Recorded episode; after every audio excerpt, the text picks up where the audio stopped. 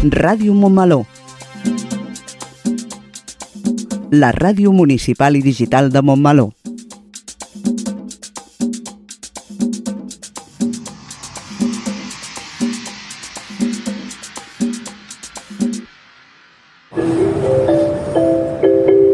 Propera parada, Montmeló.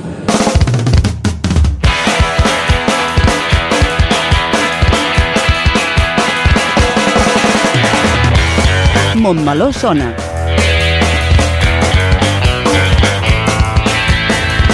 El magazín informatiu de Ràdio Montmeló.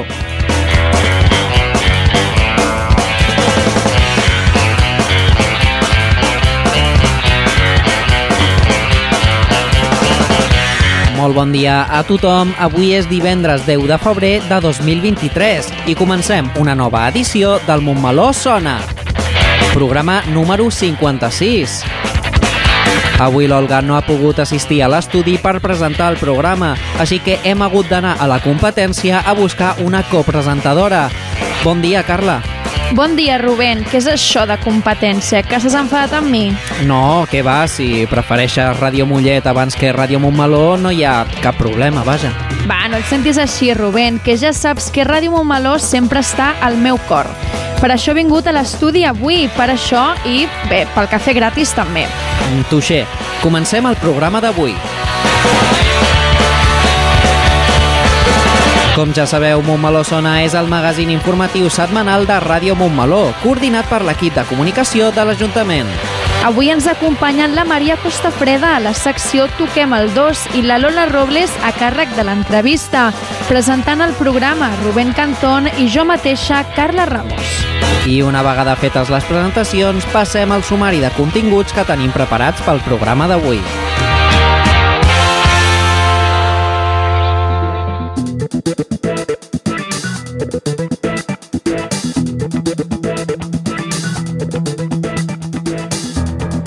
Comencem amb el Toquem el 2 d'avui. Aquesta setmana la Maria Costafreda ens acompanya a Barcelona a les festes de Santa Eulàlia. Després iniciarem el nostre bloc informatiu amb les notícies més destacades de la setmana a Montmeló i l'agenda d'actes que podrem gaudir els propers dies. En el nostre apartat d'entrevistes, Lola Robles parlarà amb la Maria Rosa Guaix, doctora en farmàcia i egiptòloga. Passarà pels micròfons de Ràdio Montmeló per explicar-nos les seves investigacions sobre la cultura del vi a l'antic Egipte. I acabarem amb una secció mensual que podrem sentir cada segon divendres de mes. L'Oriol Contreras de l'Oficina Municipal d'Informació al Consumidor ens parla avui de les plataformes d'intermediació online, com Booking o Wallapop. I arribarem així al final del programa una setmana més, com ja sabeu. Tot això i alguna cosa més és el que trobarem al Montmeló Sona d'avui, 10 de febrer de 2023.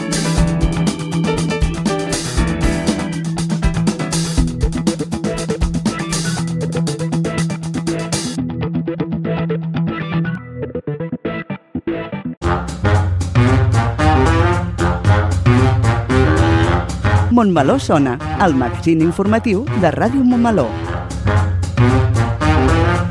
Montmeló sona i sona així de bé.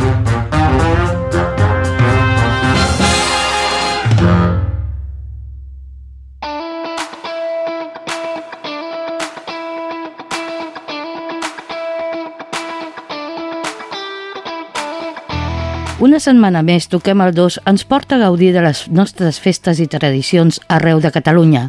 Aquest cap de setmana volem marxar a Barcelona, que celebren les festes de Santa Eulàlia, que en l'actualitat és la festa major d'hivern de la capital catalana.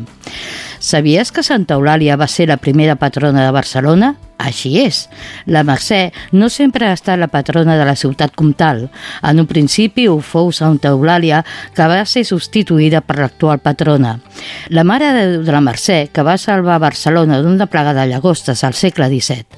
Es diu que per això cada any plou per les festes de la Mercè, perquè Santa Eulàlia plora per la tristesa d'haver estat oblidada per al poble barceloní. La llegenda de Santa Eulàlia és una història que tot barceloní ha de saber. A l'època romana del segle IV després de Crist va viure Santa Eulàlia, una noia de 13 anys que era pastora d'oques i vivia al desert de Sarrià. En aquest temps l'emperador diocesà posà el despietat de Sià com a governador de les nostres terres i van prendre una persecució a la religió cristiana sota les ordres del seu emperador. Eulàlia, per voluntat pròpia, va anar a Barsino a parlar amb Dacià perquè aturessin la persecució a la comunitat cristiana. Eulàlia, que vol dir ben parlada en llatí, li argumentà a Dacià que el seu emperador no és una divinitat. Dacià, al veure que Eulàlia, amb la seva bona oratòria, era molt convincent, decideix tancar-se en banda i donar-li 13 oportunitats de retractar-se de la seva fe en Jesucrist. Aquestes 13 oportunitats varen ser 13 tortures. La primera va ser tancar-la a l'art de Santa Eulàlia, on ara actualment hi ha una petita capella. Diuen que en aquest carrer mai toca el sol, que només el 12 de febrer, dia de la Santa, beneeix aquest carrer amb rajos de sol. Eulàlia també va ser passejada nua pels carrers de la ciutat per embargonyir-la, però de sobte va caure neu del cel i va cobrir el seu cos per acabar amb la tortura.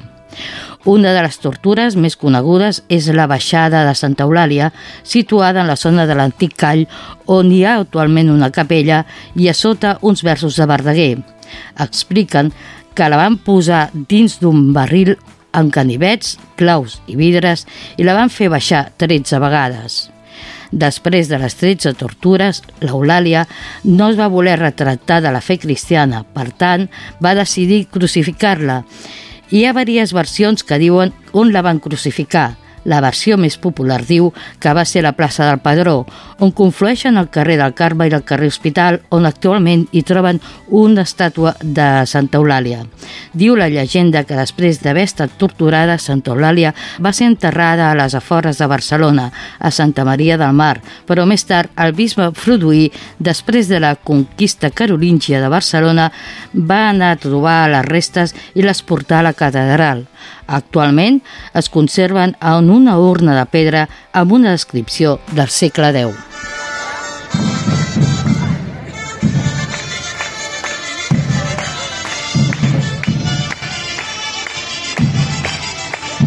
Tot seguit us direm les activitats preparades des d'avui fins diumenge per tal de poder gaudir en família de les festes de Barcelona.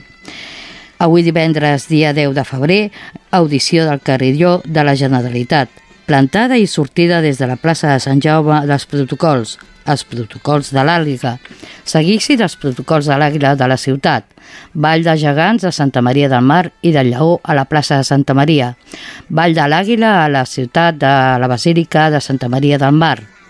Demà, dissabte 11 de febrer, Cercavila de la Laia, recorregut Palau de la Virreina, la Rambla Carril Central, Ferran i plaça de Sant Jaume.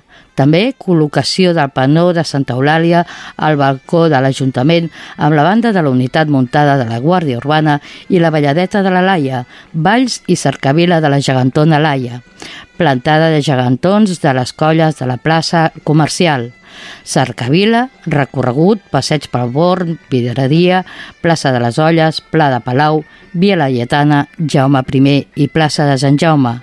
Esbar català de dansaires infantils i juvenils de l'Avinguda de la Catedral, cercavila de gegants eh, de la Ciutat Vella, trobada de les gegantes de la plaça Sant Josep Oriol, plantada de les Laies, passejada de les Laies, i pel diumenge, dia 12, matinada de grallers sota la capelleta de Santa Eulàlia amb recorregut pels carrers del barri gòtic, plantada de gegants, de bèsties i balls a la plaça Reial i posterior inici del seguici de Santa Eulàlia. Falcons de Barcelona a la plaça de Sant Jaume, Colles Castellers a la plaça de Sant Jaume, Cercavila de Gegants, Vall de Santa Eulàlia i ofrena floral a la capelleta de Santa Eulàlia, Vall de la Gegantona Laia de l'Àguila i els gegants de la ciutat a la plaça de Sant Jaume, Batex de la Laia a la plaça Reial i Sant Jaume i trobada de tambalers, ballada de sardanes a l'avinguda de la Catedral, correfoc infantil Correfoc de Santa Eulàlia i Castell de Focs. I amb els actes programats per la Festa de Santa Eulàlia posem punt i final al Toquem el 2 d'avui. Us emplacem a la propera setmana on tocarem el 2 no gaire lluny de casa.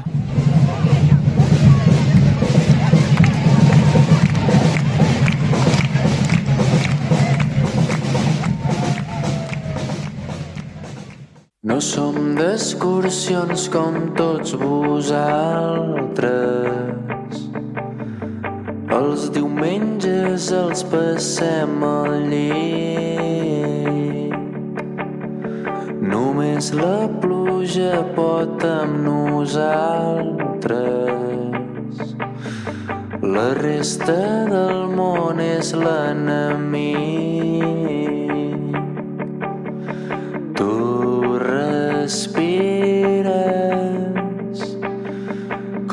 Si fos abril. No et treus el pijama ni en pintura. Sembles tenir-lo enganxat al cos.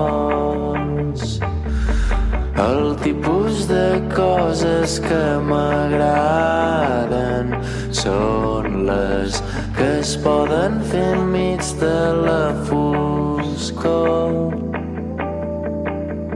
Tu ets el públic, jo sóc la cançó.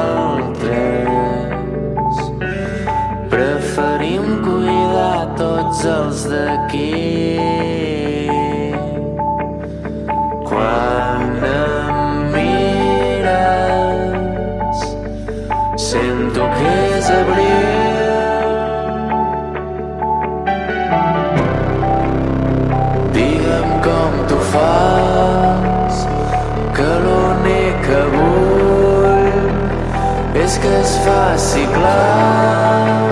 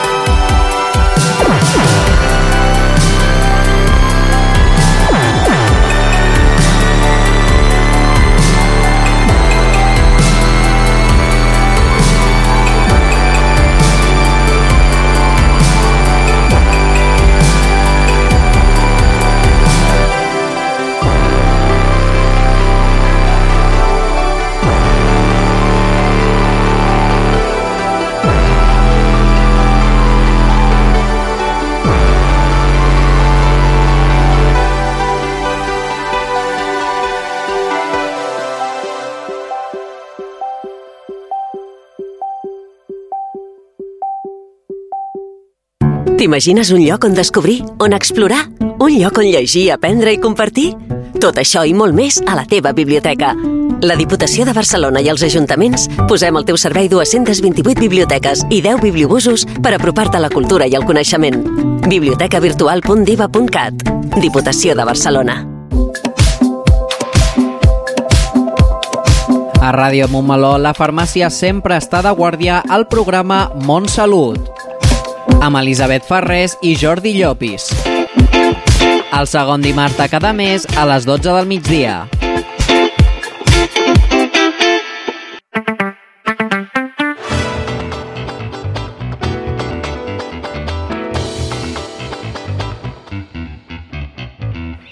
Entrem en el nostre bloc informatiu Crònica de Montmeló i donem pas una vegada més a les notícies locals més importants d'avui divendres 10 de febrer de 2023. Aquest és el sumari. L'Ajuntament obre convocatòria per trobar la persona representant del municipi al Premi Talent Jove Vallès Oriental 2022. 11 de febrer, Dia Internacional de les Dones i les Nenes en la Ciència. Obertes les inscripcions de la Rua de Carnestoltes 2023. L'Oficina Comarcal d'Habitatge us convida a la taula informativa als ajuts europeus a la rehabilitació d'edificis i habitatges. Nova campanya de comerç per Carnaval. Aquest mes de febrer crea la teva coquedama o aprèn tècniques d'autodefensa a la torreta. I tancarem, com sempre, el bloc informatiu amb el repàs de les activitats culturals dels propers set dies.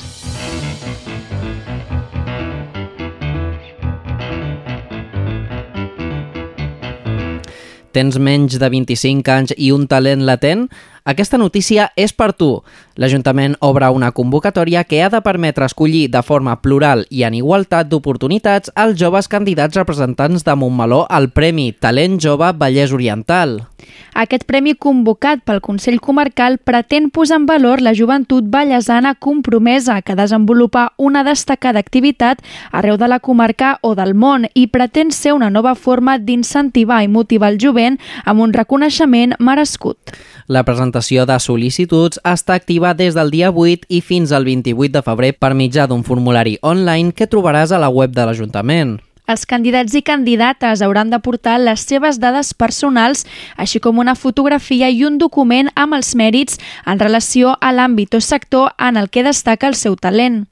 Un cop tancat el període de presentació de sol·licituds, un jurat format per diverses persones, entre les quals un representant escollit pel Consell de Poble Municipal i un representant polític de cada grup municipal amb representació al ple municipal de Montmeló, procedirà a la valoració de les candidatures i a l'elecció dels representants al Premi Talent Jove Vallès Oriental 2022.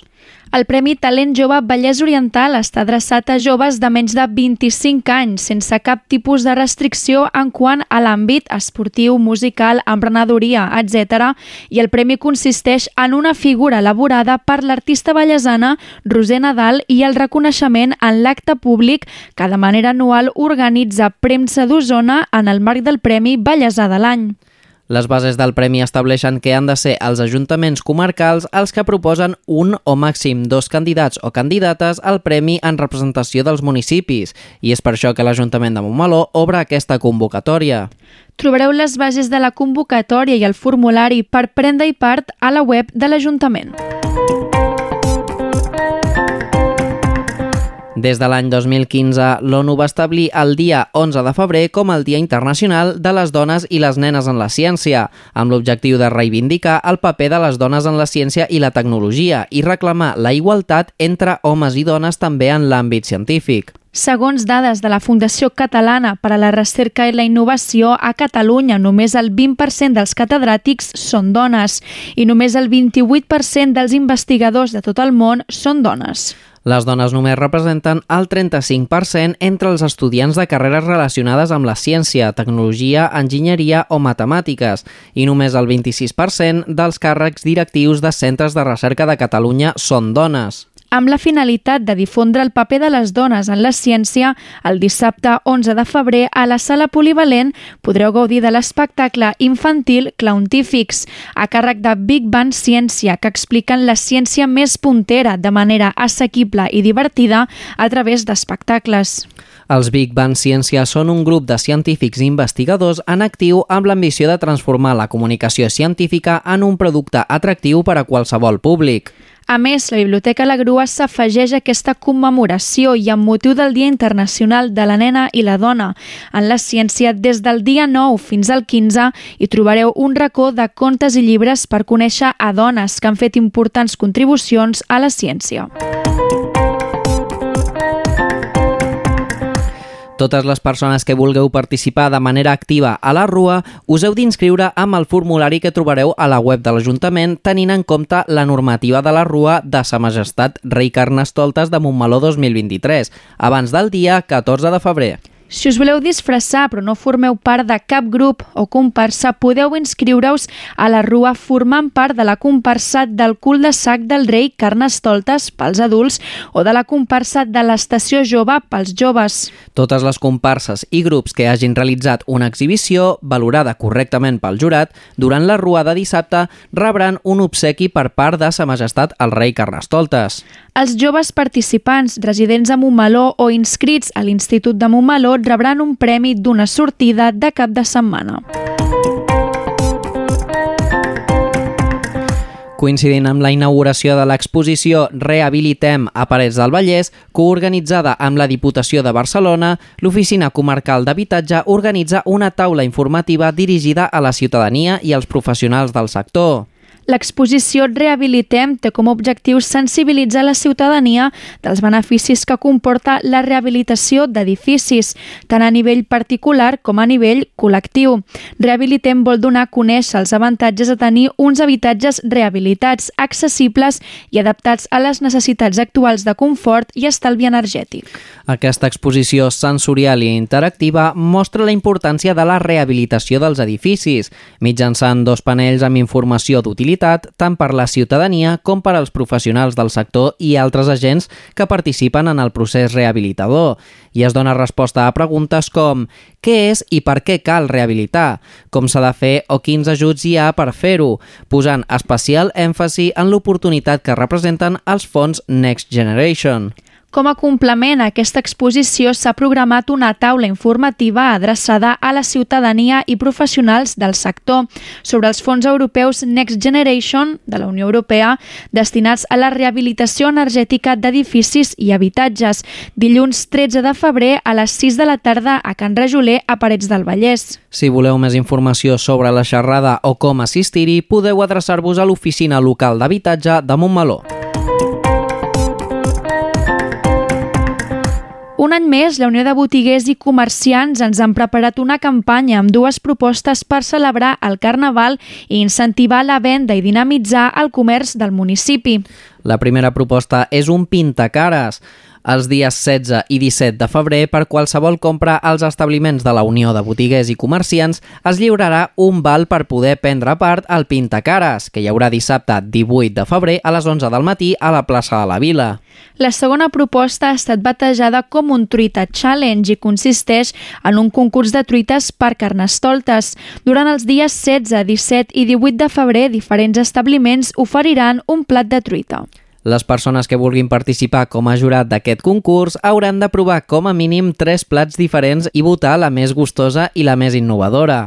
Se sortejaran premis entre les persones que participin a les votacions i hi haurà també premi per l'establiment guanyador. En total hi haurà 5 premis de 60 euros per gastar exclusivament als establiments participants. Les butlletes per participar en el Truita Challenge les podeu trobar en els establiments participants que en aquesta edició són el bar El Refugio, el bar Maria, bar Turrico, Bar Tròpic, la carnisseria Manils, Dicker Rostisseria, Hostal Serra i Quim Vinacoteca. La informació sobre els horaris i els preus del plat de truita de cada establiment la trobareu a les xarxes de l'Ajuntament i de la Unió de Botiguers. Esteu atents i atentes i gaudiu amb el comerç de la festa de la disbauxa. Aquest mes de febrer, a banda de l'oferta habitual de tallers del Centre Cultural La Torreta, podeu aprendre a crear kokedama o aprendre eines d'autodefensa. amb una sessió monogràfica dijous 16 a la tarda o bé dimarts 21 pel matí pots crear la teva pròpia kokedama. Per saber en què consisteix aquest monogràfic i conèixer què són les Coquedama, parlem amb el Gerard Lloret de Jungle Mouse. Bon dia, Gerard. Bon dia, què tal? Eh, Explica'ns una mica què són les Coquedama i com s'elaboren. Les kokedamas són... Bueno, és una tècnica mil·lenària que prové al Japó, eh, que antigament era una senyal, bueno, com un regal, una, una ofrenda que Mm. es feia pues, la gent de... Ja que els bonsais eren una cosa més cara i més complicada de cuidar, eh, la gent oferia a, bueno, a, les, a les famílies o als amics eh, aquest regal que es pot fer des de qualsevol planta amb una petita elaboració amb la molsa i, i bueno, era un regal de disseny i òbviament de naturalesa que molt, bueno, fàcil, fa, bastant fàcilet de cuidar i molt bonic. Mm. I què ens trobarem en aquest monogràfic? Amb aquest uh, taller, bueno, cada persona realitzarà la seva coquedama uh, amb una planta escollida per mi, que serà una planta tropical bueno, d'interior que, bueno, de fàcil cuidado i que ens, que ens, que ens aguanti bé eh, i, i que no sigui molt difícil de, de manipular. I què té d'especial la Coquedama? Com la podem mantenir? No, la coquedama, lo, bueno, la màgia de la coquedama és que estàs substituint eh, qualsevol test de plàstic eh, i, estem, i elaborarem un test, eh, bueno, el que seria el test, elaborarem una bola eh, amb la molsa eh, i amb un, bueno, amb un fil i amb una tècnica especial s'elabora aquest, aquest, eh, aquesta bola que farà de test i això serà també la, se- i per la, la seva forma, el seu manteniment, eh, més de, regar, de ser regada normal, eh, tindrà un rec per immersió, que Mm. ja explicarem exactament al, al taller com, com ho haurem de fer. Uh -huh. I en aquest taller pot participar qualsevol persona? Sí, això no, no té edats. Eh, és un taller que es pot que sembla, potser sembla complicat de fer-ho, però en veritat eh, no cal cap, eh, cap experiència prèvia, eh, simplement eh, seguint, les, seguint la, les fórmules eh, pot, pot fer-ho des de qualsevol, des de, des de nens, eh, gent gran i gent adulta normal, que no, bueno, que no, no, té, no té massa complicació. Uh -huh. Vols afegir alguna cosa més perquè la gent s'engresqui a participar en aquest taller? Bueno, eh, jo animo tothom a que s'apunti, ja que és un, és un taller molt interessant. Eh, a part, és una manualitat eh, que al final t'estàs emportant un tros de naturalesa a casa, feta per tu. Eh, dir que cap, mm, cap tipus de por, que no cal saber res sobre jardineria ni plantes, això ja us ho ensenyaré jo. I, i bueno, a part és molt terapèutic, treballar amb la molsa i amb la terra i és algo que si ja ha, durat, ha perdurat tants anys des de l'antiguitat és algo que no podem deixar perdre i ha d'anar passant aquesta tècnica a diferents generacions. Doncs moltes gràcies, Gerard, per estar present en el Montmeló Sona. Moltes gràcies a tu. Ens veiem aviat. Una altra proposta són quatre sessions monogràfiques per adquirir aptituds i eines per resoldre situacions violentes en cas que no sigui possible evitar-les prèviament. Es tracta d'un taller pràctic interactiu que es farà els dies 14, 21 i 28 de febrer i el 7 de març de 7 a 9 del vespre.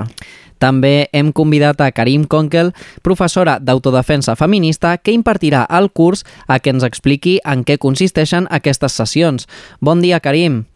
Bon dia. Explica'ns per què és important conèixer nocions d'autodefensa i disposar d'eines per afrontar situacions violentes. Bueno, perquè de fet eh, tots ens podem trobar en aquestes situacions i de fet la manera com se'ns donen aquestes situacions en la vida, el factor de la persona que més determina quin tipus de violència pot patir és el tema de gènere. Mm. I això és part de la importància de l'autodefensa feminista, de, diguem-ne, perquè, perquè realment reflecteixi com es dona la violència i com ho podem, com ho podem treballar a nivell social, també.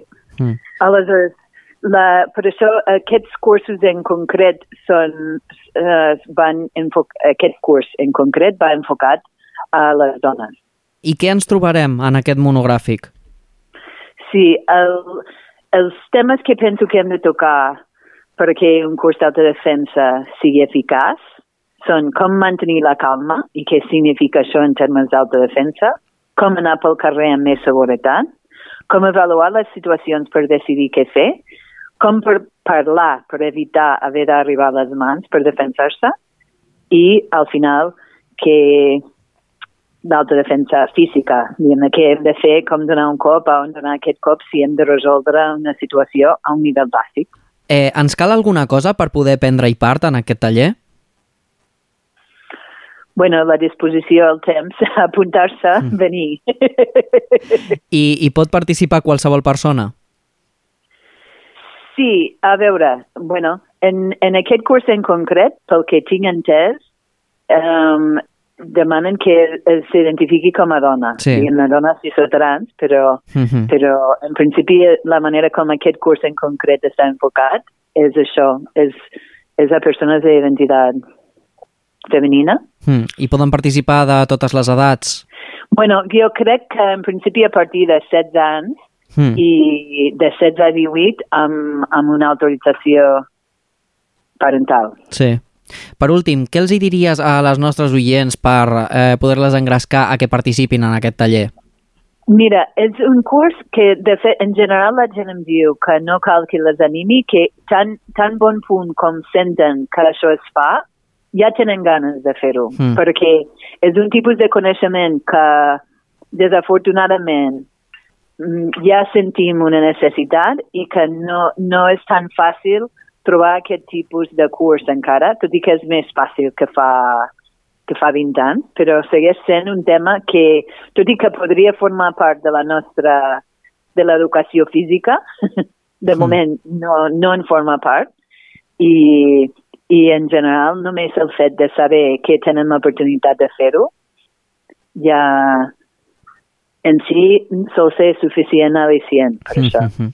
en realitat. Vale? Però, però, no sé, per engrescar, pues, empodera't i, i tinguis més eines per evitar que, bueno, que esperem que no hagis de fer servir, però Mm. que tu, el tema és anar més tranquil·la per la vida.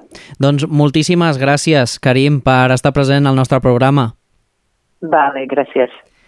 Si vols assistir a aquests tallers, conèixer els preus i rebre més informació, pots trucar al Centre Cultural La Torreta al telèfon 93 572 1033 o bé anar-hi presencialment en horari de matí o tarda.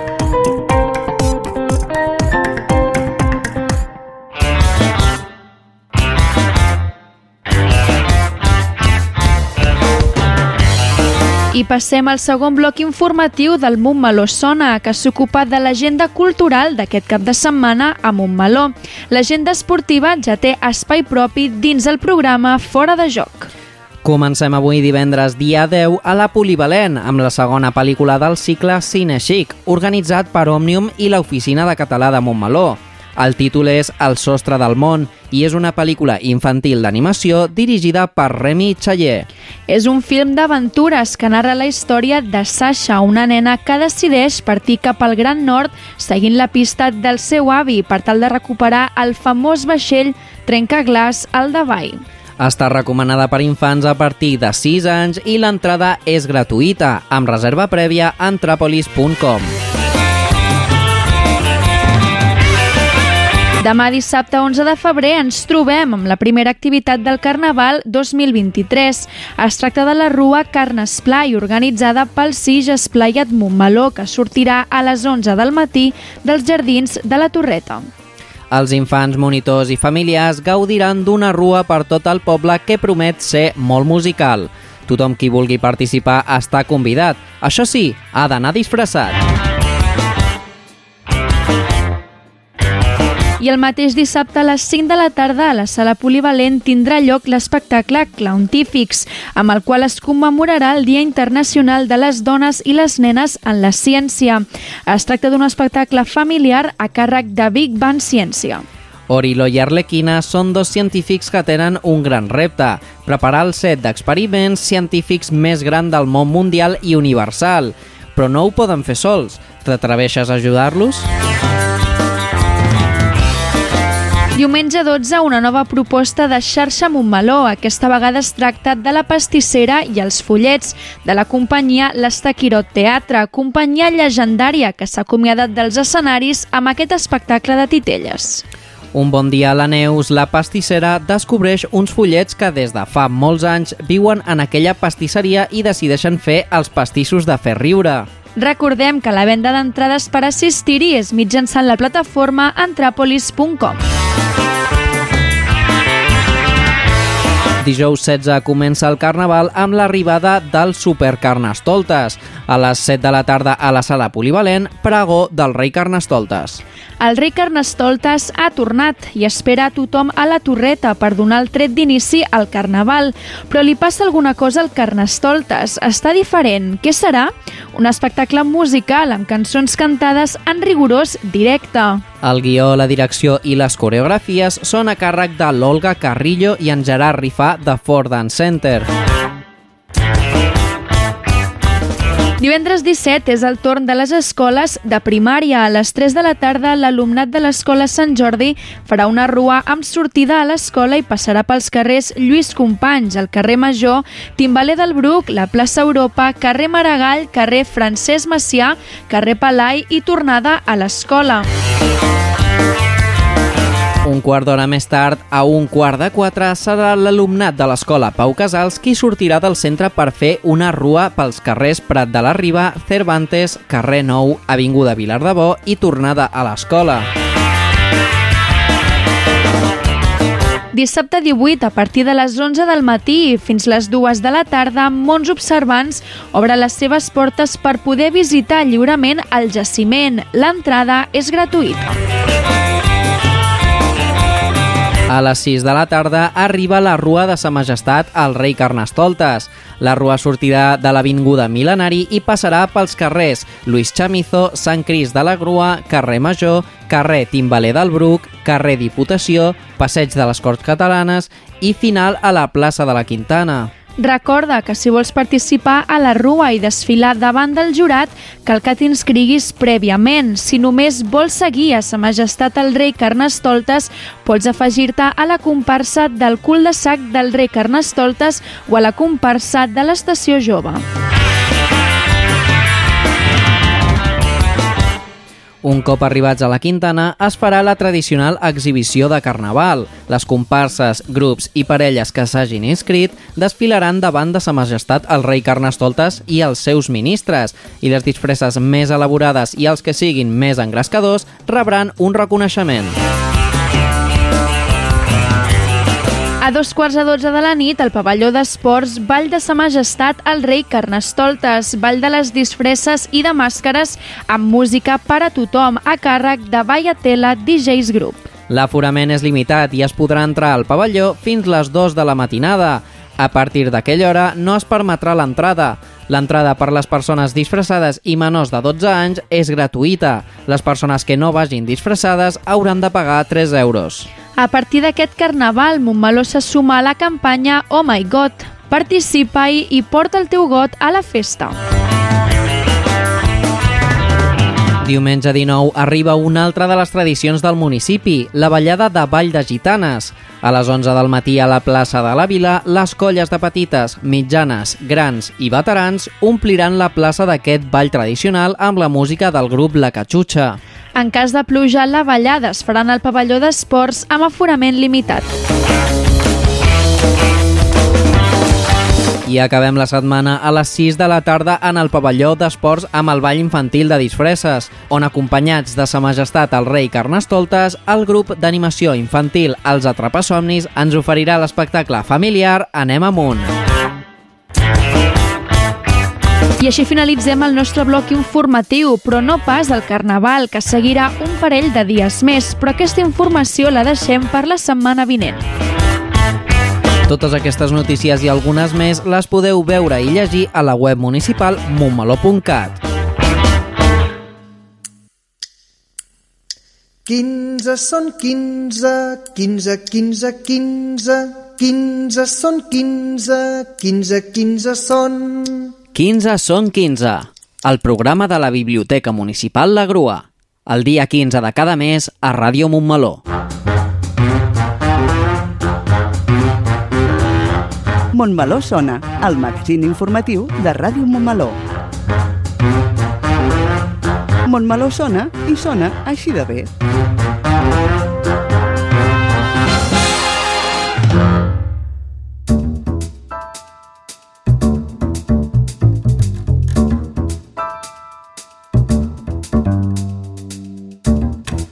Demà dissabte se celebra el Dia Internacional de la Dona i la Nena en la Ciència, amb l'objectiu que les dones i les nenes a tot el món tinguin una major participació en l'àmbit de les ciències. Amb motiu d'aquesta celebració hem convidat als estudis del Montmeló Sona la nostra veïna Maria Rosa Guasc.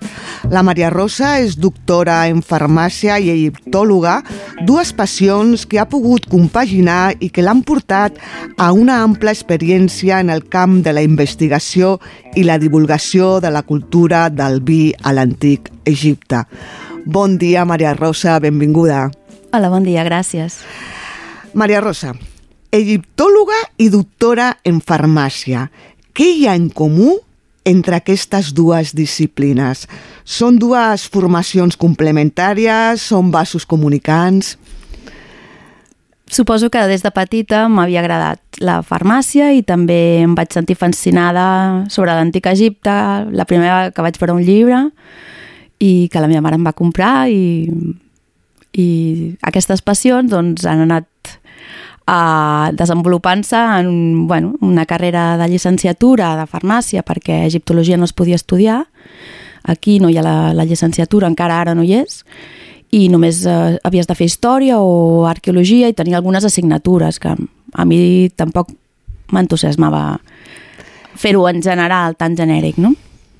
Llavors vaig pensar de fer farmàcia i, i quan vaig eh, estar fent eh, la tesina de, després d'acabar la farmàcia, la llicenciatura, la tesina de grau, eh, sobre els vins, mm, curiosament, bueno, després en parlarem, um, vaig veure que feien el, el curs de, de doctorat a, a la Universitat Autònoma sobre, sobre egiptologia. Feia, jo crec que feien un parell d'anys o tres que, que havia començat i, i vaig decidir apuntar-m'hi, però per gust. Uh, has centrat uh, les teves investigacions en el vi de l'antic Egipte. Com arribes a interessar-te per aquest tema?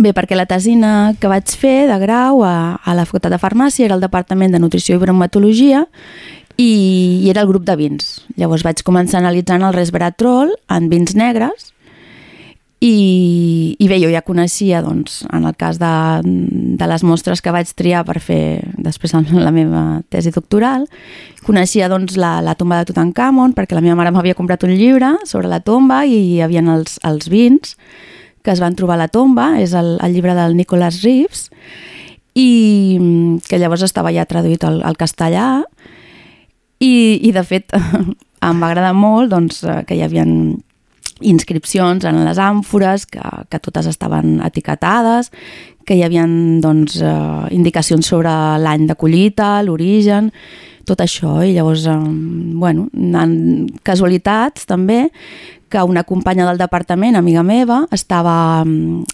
treballant en una àmfora romana que havien trobat un residu i al Museu de Badalona li van proposar doncs, de fer un mètode per, per identificar vins arqueològics que no existia i no se n'acabaven de sortir i llavors eh, bueno, va coincidir doncs, que jo vaig dir doncs, podria intentar buscar mostres també d'Egipte.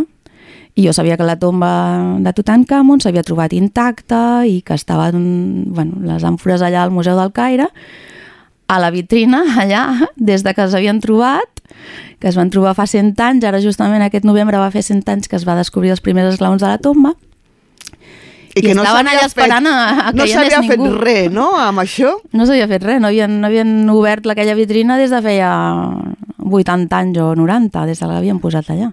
Sí, llavors vam haver de trobar finançament, que no sempre és fàcil, i Codorniu, primer, els dos primers anys de la meva tesi doctoral, i després la Fundació uh, per a la Cultura del Vino ens va finançar doncs, la recerca, perquè finançament públic no vam trobar. I quines han estat les fonts que has utilitzat? Quins elements has analitzat per basar les teves investigacions? I si has empleat nous mètodes d'anàlisi que fins ara no s'utilitzaven? El que vam fer va ser un mètode, posar un mètode a punt que fos eh, prou, prou bo per analitzar molt poca mostra, perquè clar, nosaltres teníem molt poca mostra, de fet ens la pesaven quan estàvem allà fent, uh, fent el mostreig, diguem, en el museu, de fet ens van obrir les vitrines, ens van treure les àmfores i havíem d'anar agafant doncs, la poqueta mostra que ens deixaven, no? segons la, la mostra que hi havia ens deixaven treure una mica o una mica menys o, o gairebé gens perquè bueno, a Egipte són molt curosos amb, amb, amb exportar mostres, vull dir que pràcticament ara és impossible, eh? Vull dir, en aquell moment ens van, ens van donar permís, però ara és pràcticament impossible treure del país, vull dir, mostres per analitzar. Uh Mhm. -huh. De fet, m'he trobat que a Itàlia tampoc tampoc no m'ha sigut possible agafar raïms, ja ho explicarem més endavant, per analitzar genèticament. Uh -huh. Vull dir, els països cada cop són més tancats en la, en la part de, de la recerca exterior, però clar, en el uh -huh. cas d'Egipte tampoc no tenien instrumentació per poder-ho fer allà. Uh -huh. Van millorar el mètode i sobretot van poder obtenir mostres de les àmfores de vi de la tomba de Tutankamon eh, que estaven intactes i, i això va ser molt important perquè aquestes, aquestes mostres, diguem, que, que no tenien...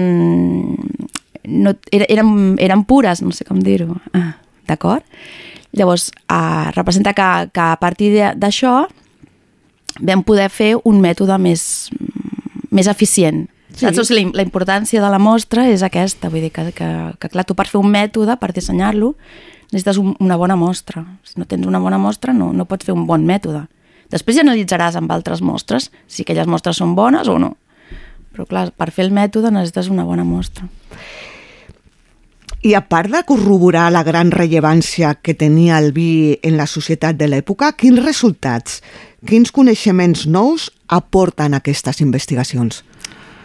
Sí, en la meva tesi doctoral vam identificar um, vi negre en mostres arqueològiques per primera vegada, és a dir, aquest mètode servia per, per identificar vi negre. Perquè fins ara no se sabia de quin color era... No, perquè els egipcis, en el cas d'Egipte, eh, ells el que indiquen en les inscripcions és IREP, IRP, val? Que, que és vi. I llavors el color del vi no l'indicaven.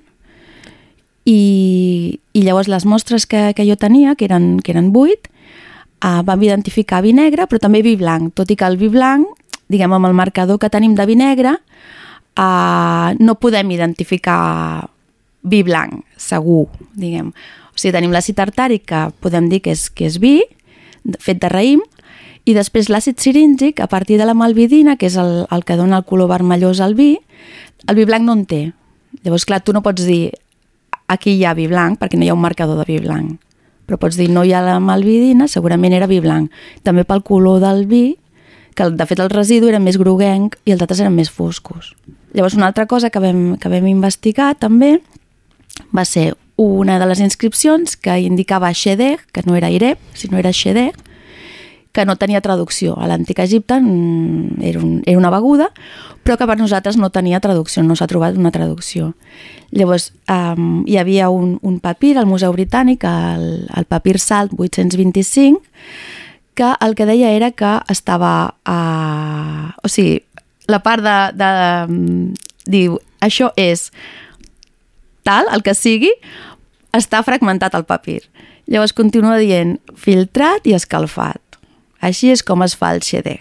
O sigui, curiosament, la, la matèria primera no surt.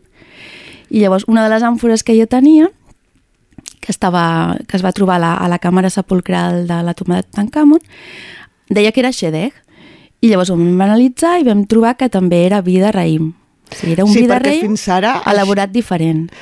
Però fins, ara, fins llavors, en els diccionaris d'egiptologia i tot, El que s'havia mantingut, diguem, era, era que era un vi de magrana, segurament.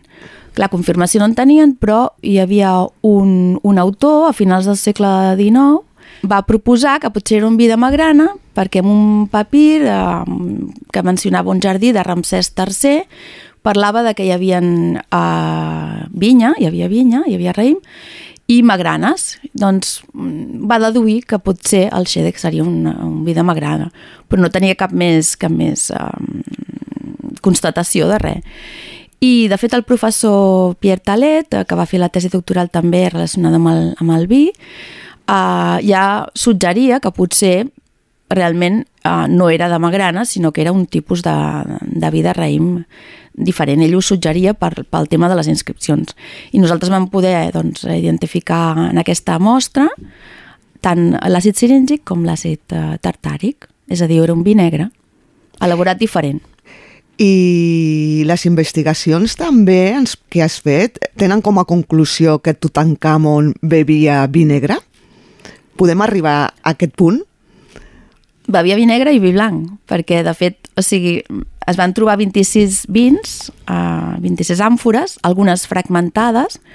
Bé, ara és un incís, eh? però es van trobar a la, a la càmera anexa, que és on hi havia els aliments i els vins, i ungüents i altres coses, però la, la tomba va, va patir dos robatoris a, a l'època, just a, després d'enterrar-lo, va entrar un primer, un grup de lladres que va tenir accés doncs, a aquesta càmera anexa, no? que, que baixant les escales doncs, és la primera sala que trobes. I aquí van segurament robar ungüents, mm, el que, el que s'ha documentat, és perquè eren, eren molt valuosos i com que eren peribles doncs s'havien de robar ràpid i llavors també es van fer malbé àmfores es van trencar algunes i llavors, eh, clar, jo quan vaig eh, haver de seleccionar les àmfores vaig seleccionar algunes que estiguessin senceres llavors només les que estaven a terra que no estaven trencades són les que vaig poder seleccionar. Per tant, aquestes trencades no sabem si tenien vi blanc, potser n'hi havia més de blancs que, que de negres. Després hi havia un, un altre grup d'àmfores, que són tres, que es van trobar a la càmera sepulcral. Que aquestes sí que es van trobar a terra intactes i que el segon grup de, de lladres que va entrar, que va tenir accés a la tomba i a la zona del tresor, que és on, on després de la, de la cambra sepulcral on es guardava l'or, les, les, les coses més valuoses, i van ser agafats infraganti, això està documentat, i, i ràpidament es va tornar a tancar la tomba, la cambra anexa es va deixar tal qual, i per tant Howard Carter fa 100 anys quan va descobrir la tomba va trobar tot tot remenat a la càmera anexa, però en canvi la càmera sepulcral va restar in, intacta. I aquestes tres àmfores estaven col·locades en tres direccions diferents, és a dir, al nord no n'hi havia cap, n'hi havia una de vi negre a l'oest, una de vi blanc a l'est i el CEDEC que hem parlat al sud. I això determina alguna cosa? El fet de que estiguin sí, col·locades o sigui, a, així? En la meva etapa de postdoctoral a la Universitat de Lisboa vaig intentar eh, investigar per què aquestes tres àmfores que jo havia identificat el color d'aquests aquest, vins perquè estaven col·locats a la càmera sepulcral i no a l'annexa i després perquè estaven en aquestes tres posicions i no a la, a la, a la nord. I el que vaig deduir eh, amb les investigacions és que seria per ajudar màgicament el faraó, eh, en aquest cas Tutankamon, que havia, havia regnat després del període de Marna, que bé, seria llarg d'explicar, eh? però Agenaton va fer un canvi en la religió d'Egipte, llavors a la nit no hi havia res, tot era el disc solar, el dia, llavors durant el, els primers anys del regnat de Tutankamon encara es va mantenir això, quan ell era petit, però després es va canviar de fet es va canviar la capital també, es va tornar a Tebes, els déus antics, i es va fer com una nova divinitat, que era Osiris Re, que Osiris, eh, diguem que representa una mica l'inframont, eh, la resurrecció, tot això que l'època de Marna no, no havia desaparegut i llavors això es, com es potencia molt i llavors aquests tres vins serien necessaris perquè el faraó pogués eh, diguem, fer aquesta transfiguració durant la nit, que això és el que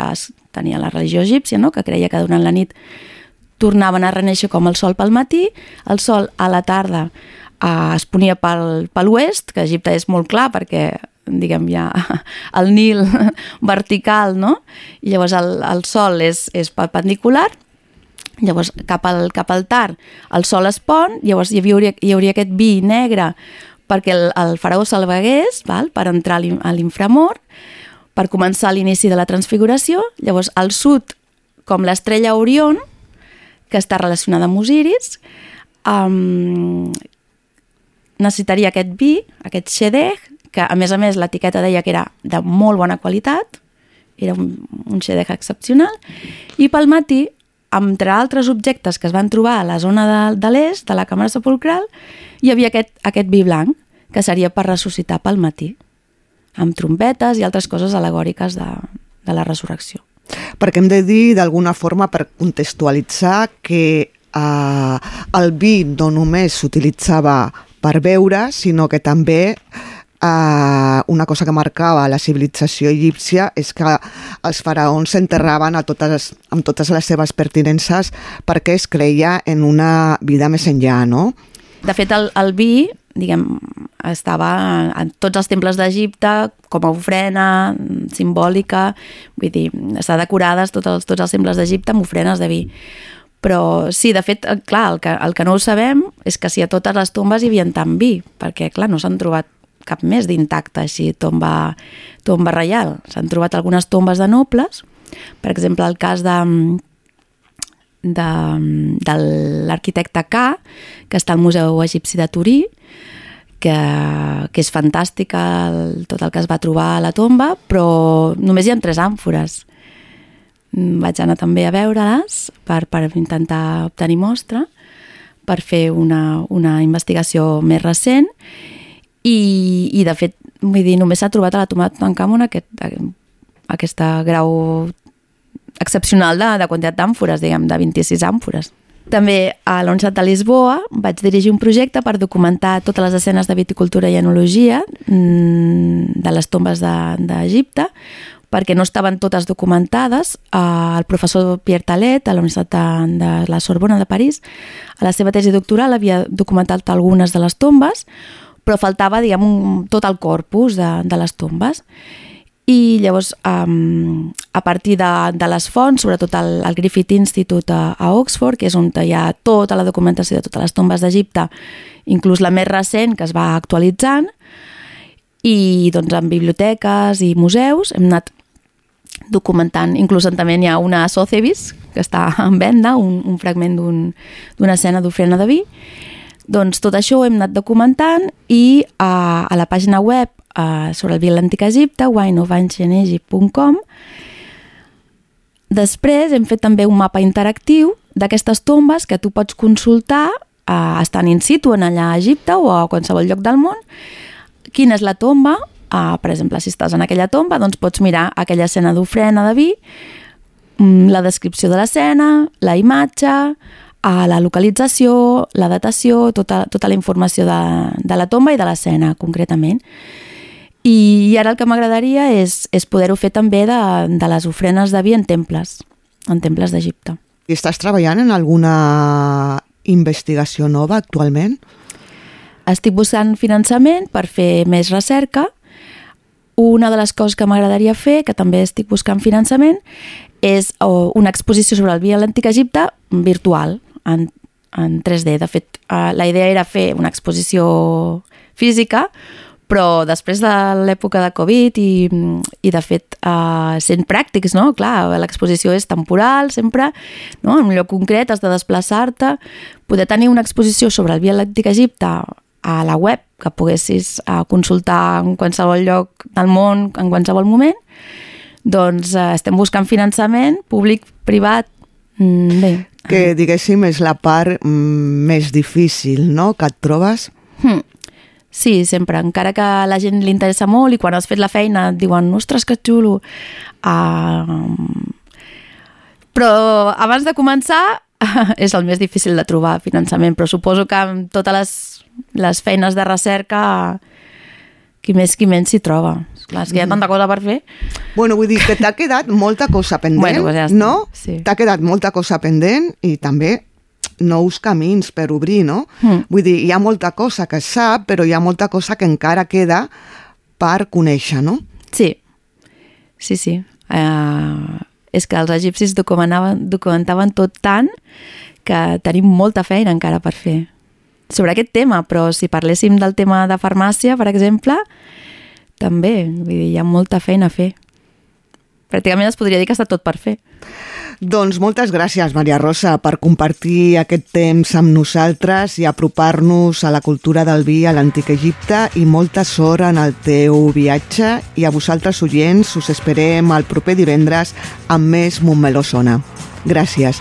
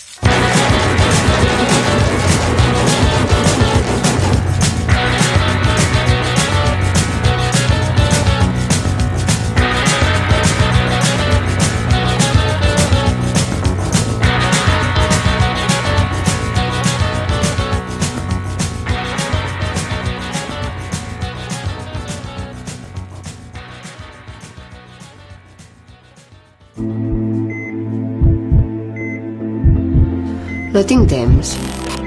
És complicat. Quina mandra. Les teves excuses estan acabant amb el nostre planeta. No te n'adones? El canvi climàtic cada vegada és més evident. Et necessitem. Recicla. Generalitat de Catalunya. A Ràdio Montmeló tens una entrada per Micro i Acció, el podcast de cinema conduït per Aitor Guerra. Micro i Acció, cada dimecres a les 12 del migdia.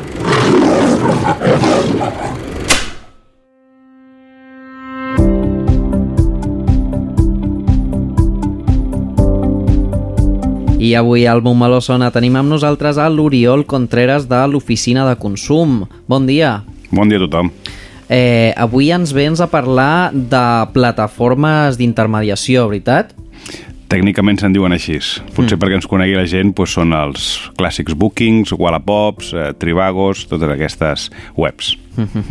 Eh, primer de tot parlem una mica de l'o- l'oficina de consum. Eh, en, en quins moments eh, podem anar a que ens atenguin a l'oficina? Doncs perquè us eh, puguem atendre a l'oficina del consumidor doncs, que assessora no? i també tramitem reclamacions de tots els temes relacionats amb el món del consum, heu de trucar a l'Ajuntament i demanar cita. És així de fàcil. Per telèfon, nosaltres atenem els dimecres al matí i els dimarts per la tarda. Pot, es pot trucar qualsevol dia de la setmana per demanar, per demanar la cita. Mm. I quin, quins són els tipus de consulta que, que, mm, en, en els que podeu ajudar? Doncs mira, normalment tots els temes de consum, els més freqüents, per desgràcia, són tots els serveis de, de, de, de subministraments, d'aigua, gas, llum, telefonia, aquests són els clàssics, però en tinc, com n'he tingut eh, habitualment, doncs, de, de tallers mecànics, també tinc d'assegurances, tinc temes de bancs, tot el que hi ha una relació entre un consumidor i una empresa, fins i tot una botiga de- d'aquí del municipi, doncs també són qüestions que nosaltres tractem. Uh -huh. Doncs ja sabeu, si necessiteu cap cosa, ja sabeu eh, què, què és el que heu de fer. Em, doncs això, ens parlaràs de les plataformes d'intermediació.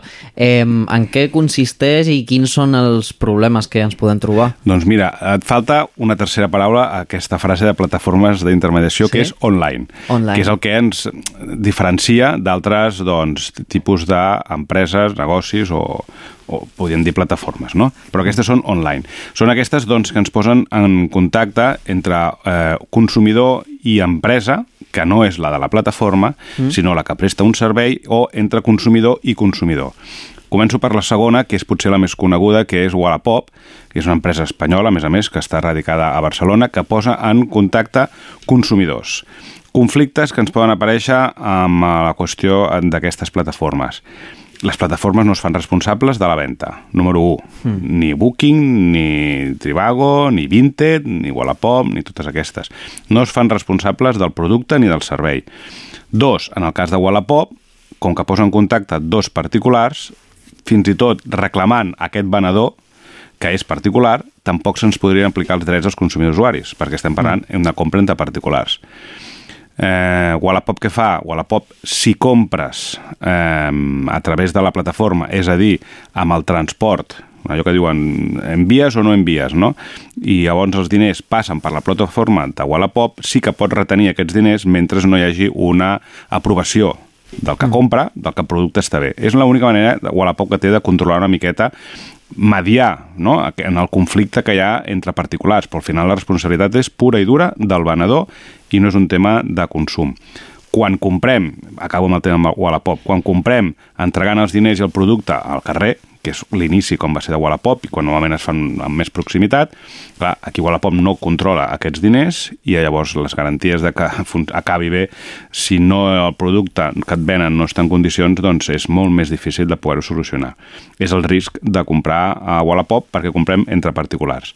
Comprem per Booking o... Sí, ara se m'acut com a empresa més gran en qüestions d'hotels i viatges. La responsabilitat d'un mal servei ve donada per l'hotel, per Mm. Per no, l'empresa que lloga apartaments. Llavors és aquest a qui nosaltres haurem de reclamar. A on ve l'oficina consumidor? Reclama Booking? No, no, és que Booking no reclamaré. Reclamaré aquell que et va cancel·lar la reserva, aquell que no et va donar un servei de qualitat. Uh, també és diferent d'una altra plataforma d'intermediació online, que és Airbnb, que no Sí. he comentat, perquè Airbnb torna a ser un tipus Wallapop. Posa Sí, en sí. contacte entre particulars. Que és cert que aquí, feta la llei, feta la trampa, intervenen empreses que es fan passar per particulars? Sí, però per descobrir-ho és més difícil. En teoria estem contractant amb particulars. I aquesta és una mica la, la teoria d'aquestes plataformes d'intermediació online. Ho explico perquè això està super de moda, ja fa un temps, però és que la, la Unió Europea, el Parlament de la Unió Europea, acaba de publicar un reglament, que és una llei que s'aplica directament a tots els estats de la Unió Europea sense que els tinguin que adaptar, per tant, des, i és del mes de novembre, per tant, és molt recent, un reglament que parla sobre les plataformes d'intermediació online. Per què? Mm. Perquè s'escapen moltíssimes coses. I aquí Sí. és on, on hem d'estar tots molt a sobre. Sobretot en les plataformes eh, aquestes que són de, entre, entre particulars, no? Com que, què és el que podem fer si, si, ja, si tenim algun problema en alguna venda per, per Wallapop o amb un Airbnb? Uh, a veure, la, la, la responsabilitat entre dos particulars quan es compren un producte, que això ja existeix sense Sí. anar a Wallapop, que jo Exacte, compro un sí. cotxe de segona mà a un particular o sé d'alguna persona d'una altra manera que no sigui a través de Wallapop, que això ja ho fèiem, no? Això se'n diu la, eh, el comerç col·laboratiu. Això ja, ja existia fa anys, no? Doncs el Codi Civil, que és una altra llei, diu que aquests productes venuts de segona mà tenen sis anys, ai, sis mesos, perdó, no de garanties, sinó de vicis ocults, el qual si tu trobes alguna cosa que no es veia aparentment quan ho vas comprar, podies reclamar-ho. Doncs clar, aquí ja directament has d'anar al jutjat. Llavors, per productes, que és el que s'acostuma a comprar, si és un vehicle és una altra cosa, Mm. però de Wallapop, 100, 200, 300 euros, clar, has d'anar al jutjat, i això complica i dificulta molt. Per tant, no hi ha una recomanació ciència cierta, 100% segura, però sí que intentar no fer compres de, de molta entitat, o sigui, hi ha gent, jo he trobat gent que s'ha comprat fins i tot un pis, Eh? Llavors, clar, en el moment que tu vas a fer la transacció del pis, que sí que la fas davant de notari, lògicament, però no tens cap assessor pel mig, o compres un vehicle, no tens cap tècnic que et digui que el vehicle estigui bé. Llavors, en certes compres, que jo mm, no escolliria aquestes vies, però en canvi jo, per exemple, que sóc fan dels Playmobils, eh, si ens sent algú que li agrada els Playmobils, doncs també sap el que és avui en dia trobar i comprar en el món de la segona mà en Playmobils, doncs em puc arriscar, Mm. em puc arriscar, que li falti un braç, que li falti una cama, o altres productes que no funcionin, però si m'he gastat 60, 70, 80, 90, 100 euros, en el moment que ja t'has gastat una, din- una quantitat més important o de productes que poden fallar, doncs té el seu risc. Um, I quin, quin tipus de, de problemes, em, en quin tipus de problemes s'ha trobat la gent i, i com heu pogut solucionar aquest tipus de consultes? Doncs d'aquestes plataformes la, la, el volum més important de reclamacions doncs, són les de Booking. Les Sí. de Booking perquè tot avui en dia el tema de- d'hotels, sobretot quan va venint de l'època de la pandèmia, del Covid, i el tema dels transports aeris és el que porta més conflictes. I com he dit al principi, en aquests casos normalment no reclamem a Booking i el que fem és reclamar en aquestes empreses. Mm. Com funciona a aquestes empreses? O eh, diguéssim, al final és una relació triangular. Jo ho he estat llegint en algun article, és una relació triangular on, eh, si t'hi fixes, en cada un dels tres extrems d'un triangle ens situaríem la- el Booking, en aquest cas parlant de Booking, a l'hotel i al consumidor. Doncs el consumidor té una relació amb l'hotel, directament, Mm. l'hotel té una relació amb Booking, perquè li paga una comissió, i Booking té una relació al final també amb el consumidor, perquè el que diu Booking eh, i com funcionen aquestes plataformes és eh, el motor d'aquestes plataformes és la confiança del consumidor i la confiança de l'hotel.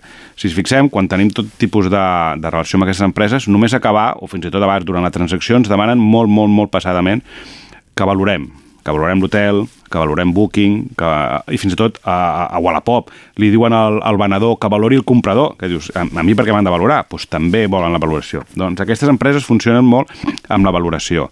Llavors, el que el reglament de la Unió Europea està posant molt d'èmfasis és, és que aquests motors de valoració, aquests sistemes de valoració, siguin realment reals. I aquí és on nosaltres podem remenar a Booking, Mm. que si diu que a Booking apareix que aquell hotel té 5 estrelles, 5, 5 de 5, eh, i després només veiem crítiques negatives, no a través de Booking, sinó de, per altres llocs, podem reclamar, escolti, vostè aquestes dades d'on les ha tret? Les ha tret bé? Les ha analitzat bé?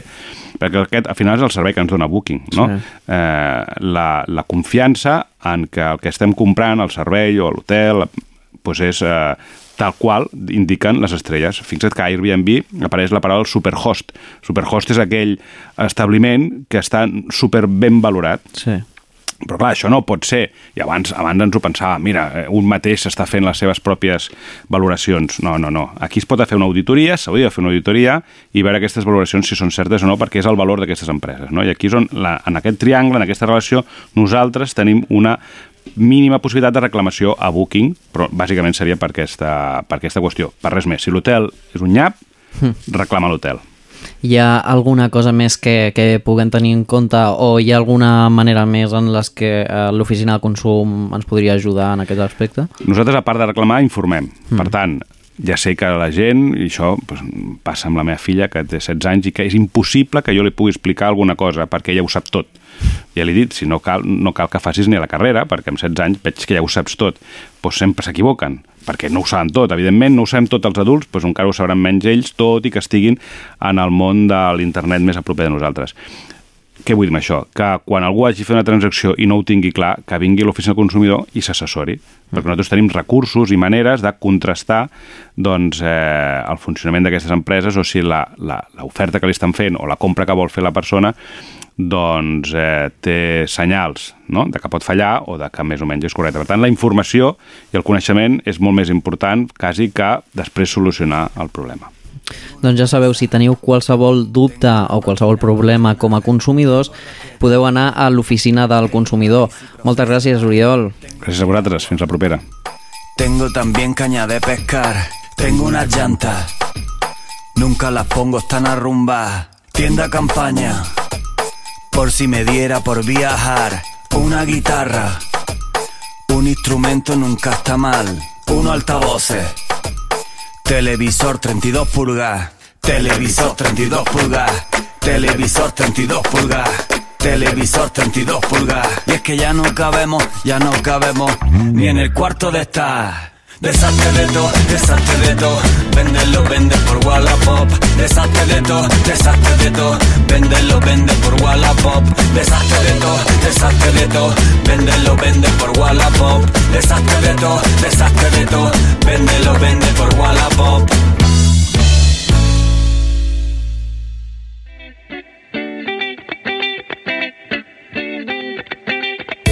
Ensenya'm la llengua. Un programa de l'oficina de català amb Susana Corxo. El tercer divendres de cada mes a les 5 de la tarda.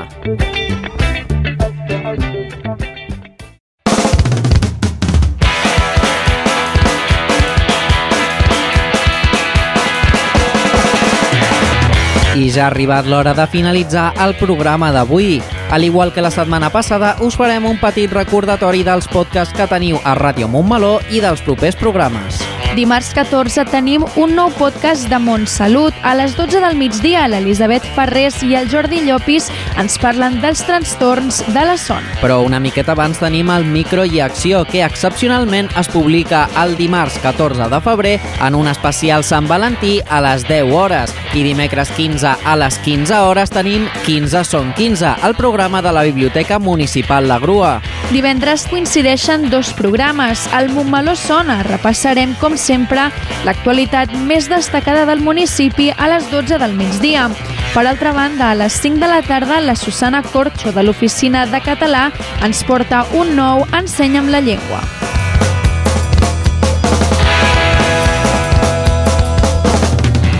I amb tot això marxem, però com ja és costum, us volem recordar que podeu contactar directament amb l'emissora si teniu qualsevol idea, suggeriment o opinió mitjançant el nostre correu radiomo.momaló.cat o a través del telèfon i WhatsApp 637 150 702. Moltes gràcies a tothom per sentir-nos. Passeu un molt bon cap de setmana i ben abrigats, que les temperatures encara glacen.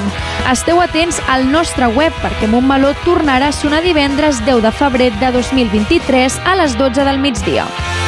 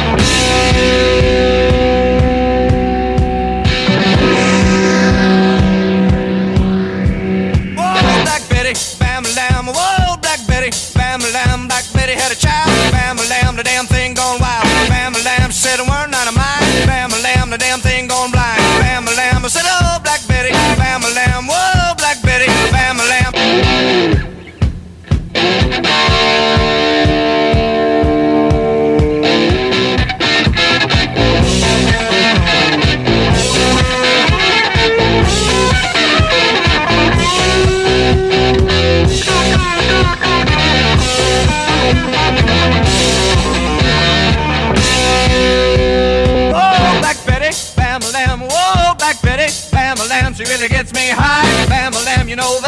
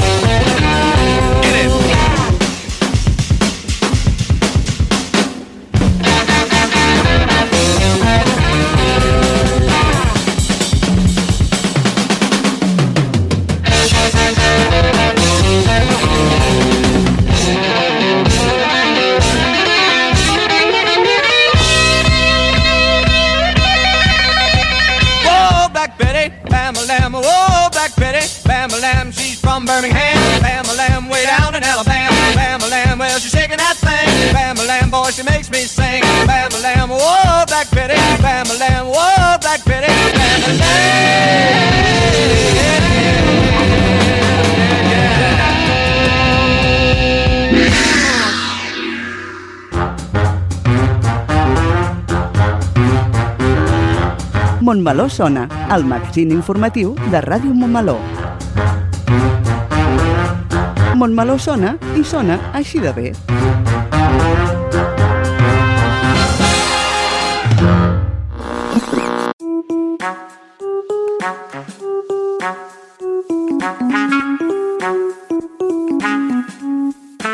Ràdio Montmeló. Sintonitza'ns al web radiomontmeló.cat i a través de les xarxes d'Instagram, Facebook i Twitter. Ràdio Montmeló, la ràdio municipal i digital de Montmeló.